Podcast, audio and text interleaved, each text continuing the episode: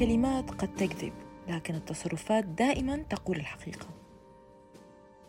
أحيانا بيصير معنا شيء ما بنكون متوقعينه مثل مشكلة أو مصيبة أو مرض بيواجهونا. بيكونوا السبب لحتى نتعب ونحن عم نحاربهم بس كمان بعيدا عن هالتعب هالشي اللي بيصيبنا ممكن يكشف لنا أمور كتير. يعني من خلال هالشي بنقدر نكشف اللي بيحبنا واللي بيكرهنا. اللي بالفعل حيكونوا معنا بألمنا قبل فرحنا.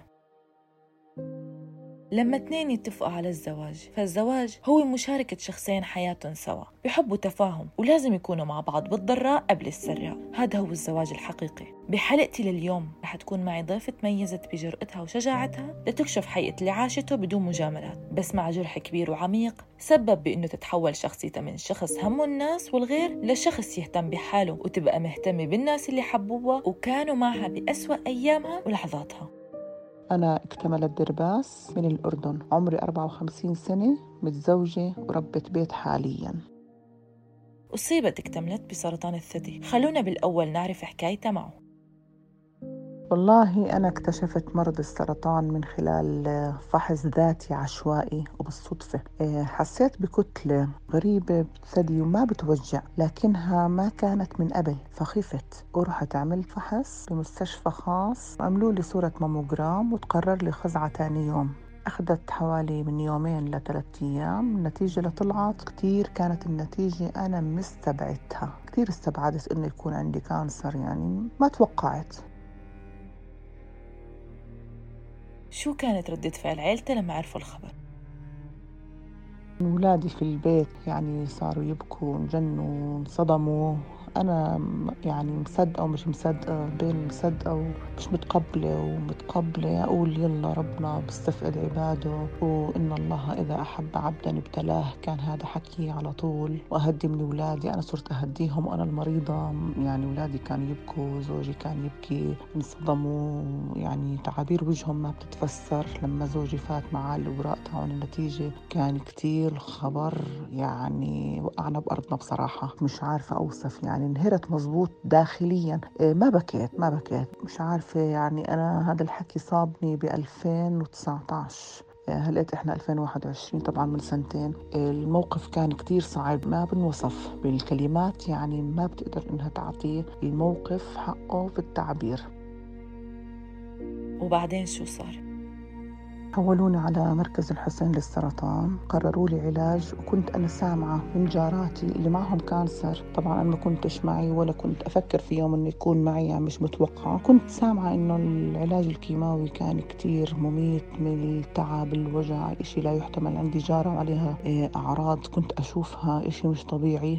فقررت الرفض رفضت العلاج قلت خلص خليني أموت مش مشكلة. المهم أنا كنت عارفة شو سبب الموت. خلص بديش أخذ علاج نهائيا مستحيل أخذ الكيماوي مستحيل مستحيل. رفض قاطع. يعني رحت قعدت مع دكتوري في المستشفى استقبلني وأعطاني أمل وفي إلك علاج وأنت بمراحله الأولى و... وإن شاء الله أملك في الشفاء 90% وحسب استجابتك للأدوية. قرر لي إشعاعي قرر لي كيماوي وقرر لي هرموني وأعطاني الخطة العلاجية كاملة. ما بخ بيخبوا علينا أي إشي بيكون الدكتور صريح جدا مع المريض وبيعطيه الفكرة الواضحة جدا وبيفهمه كيف يتصرف مع نفسه ومع المجتمع ومع اللي حواليه وشو خطوات العلاج الصح. ما تسمعي لناس من برا. أول كلمة حكى ليها دكتور لا وضعك مثل وضعهم ما تقارنيش جسمك وتقبله للعلاج مثل جسم أي شخص تاني. أنت كمريضة غير عن أي مريضة تانية حتى لو سرطان ثدي أنت وهي سرطان ثدي بس تقبلك للعلاج ممكن يكون غير عن تقبلها. أنت جسمك ممكن يكون أقوى ممكن يكون أضعف ما بنعرف استجابة الجسم للعلاج بس إن شاء الله خير. بعطيكي أمل.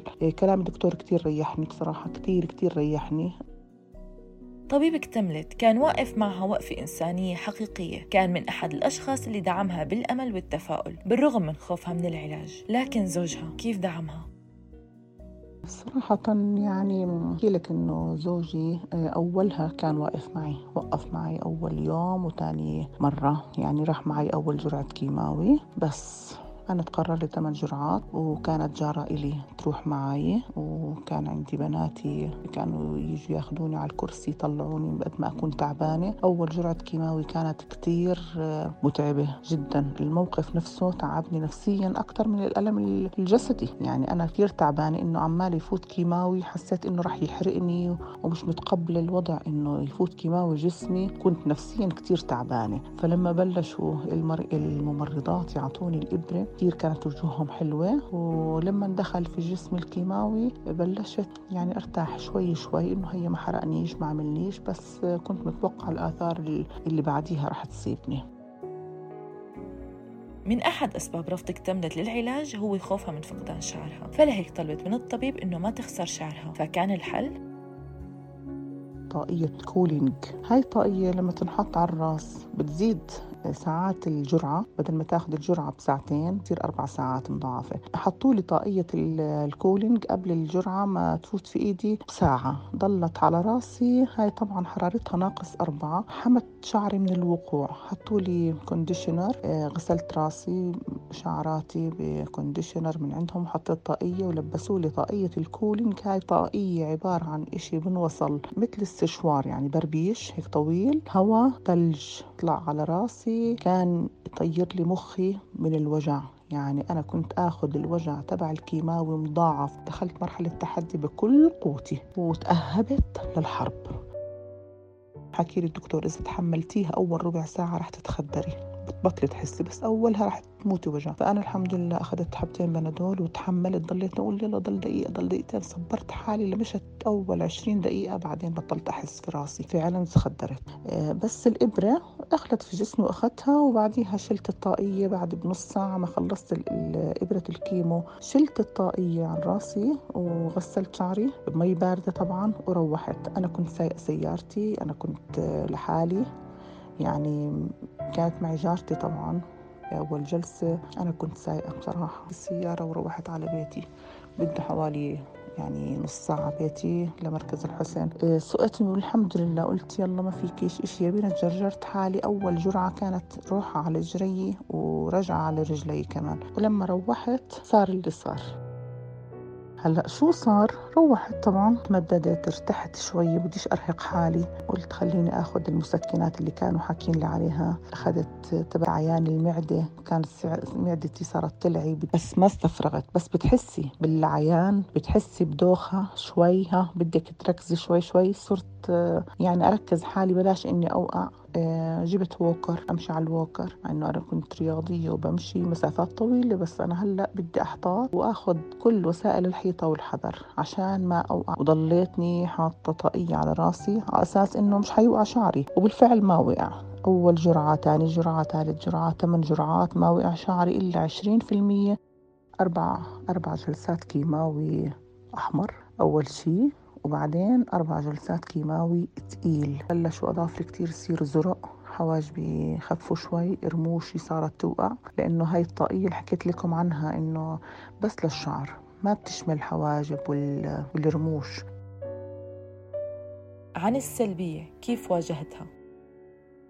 كثير كنت أشوف ناس آه، سلبيين يحكوا حكي كله سلبي. أنت بتنبهي جسمك إنه أنا رح أكون قوية بتقوي. بدك تنبهي جسمك بأفكار سلبية. أنا لا لا مش حقدر ورح أموت كثير ناس بموتوا من نفسيتهم.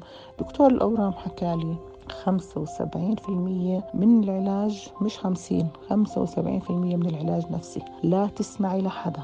لا تحتكي بناس سلبيين. اطلعي شم الهواء مارسي حياتك بشكل عادي.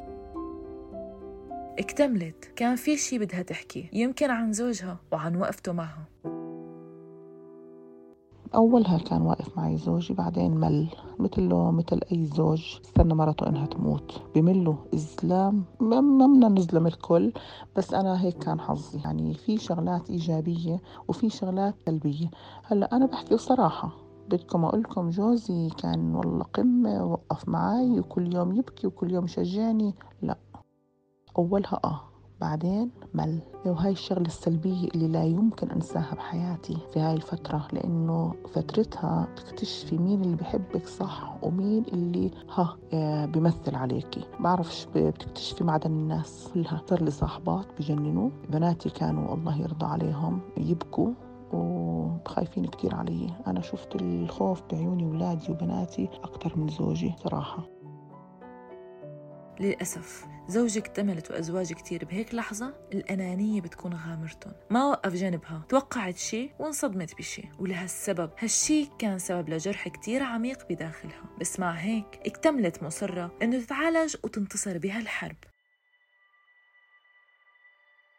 لا إحنا خلصنا آخر جرعة كيماو ب 27 10 2020 عملت العملية بعد ب 21 يوم. عملت عملية جراحية. كان جرحي نظيف. الورم داب من الكيمو. استجاب جسمي استجابة عالية جدا كان ممتاز. الله قدر ولطف. والله كان معي. الله اللي كان معي. الحمد لله. إن الله إذا أحب عبدا ابتلاه. وعن الشيء الإيجابي.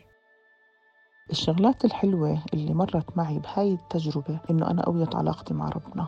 حسيت إن ربنا بعت لي رسالة. هاي الرسالة أنا بحبك يا اكتملت إن الله إذا أحب عبدا ابتلاه. ربنا ابتلاني يعني ربنا بحبني فهذا الإشي حبيت أنا. كنت حياتي يعني ماشية فيها هيك سبهللة. ماشي ماشي. مثل أي حدا. ماشي بهالحياة. عايشين نايمين داحلين. وهذا الإشي خلق جواي إنسانة تانية كتير قوية. وبحب الناس وبحب الحياة وصرت أحب حالي. يعني أحب حياتي صرت أهتم في حالي ما كنت أهتم. يعني أنا كأهتم في حالي إنه أنا آه، أدير بالي على صحتي وكذا. لا كان البيت الأولاد كله على حسابي على حساب صحتي. ما أنا مش ما إيش ما أهلك حالي أهلك حالي بس أفني حالي بس للبيت وللأولاد وللجوز ولو لو هلأ لا صرت أنا في المرحلة الأولى. أنا بعدين أولادي بعدين بيتي بعدين جوزي آخر شيء. بالرغم من كل شيء ذكرته اكتملت إلا أنه زوجها لحد الآن من الأشخاص اللي بتهتم لأمرهم يمكن بسبب العشرة. هلأ أنا من يوم انصبت بالسرطان أولها كان زوجي منيح معي في أول فترة بعدين هو انتقل لغرفة تانية. آه، هو عايش في غرفة وأنا عايشة في غرفة مثل الأغراب. هذا الإشي لا يمكن أنساه لا يمكن هذا الأثر السلبي اللي فرجاني معدنه خلال فترة السرطان.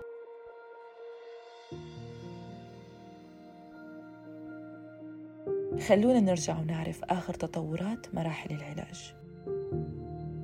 بعد ما أخذت عملت العملية بشهر بلش عندي العلاج الإشعاعي. أخذت 20 جلسة أشعة بعديها أخذت 17 إبرة هرسبتن. آه، كل يوم أروح أخذ جرعة.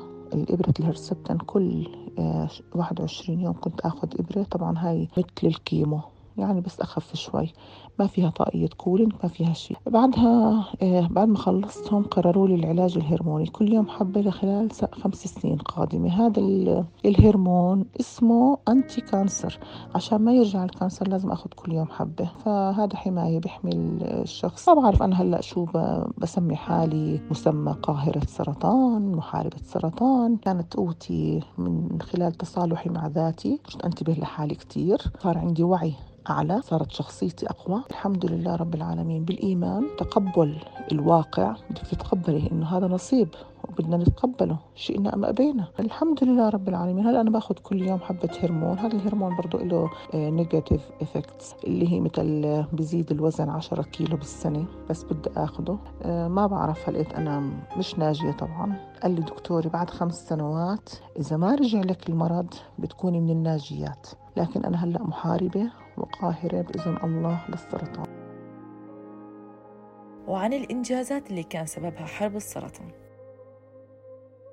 صار عندي group عملنا group إحنا صديقاتي المريضات وصرنا نطلع نرفه عن حالنا شفنا حياتنا بطريقة حلوة. طلعنا رحلات طلعنا meeting عملنا event ات توعوية آه، درنا بالنا على حالنا طلعنا على مطاعم نعمل جمعات بنعمل كتير شغلات حلوة بنعمل أعياد ميلاد كل وحدة من صحباتنا المريضات عندها عيد ميلاد نعملها حفلة. وهدفي هلأ إنه أنا أقوي مريضات السرطان. حابة كتير إني أكون أنا آه، عضو فعال لمريضات السرطان اللي مصابات الجدد. والنصيحة اللي قدمتها هالمحاربة؟ نصيحة آه، اللي ما معها أي أعراض تروح تفحص. دائما لما تروحي تفحصي بالبداية وتكتشفيه بيكون علاجك كتير سهل. أحسن ما تكتشفيه بنهايته ولا سمح الله إنك ما تقدر إنك تواجهيه.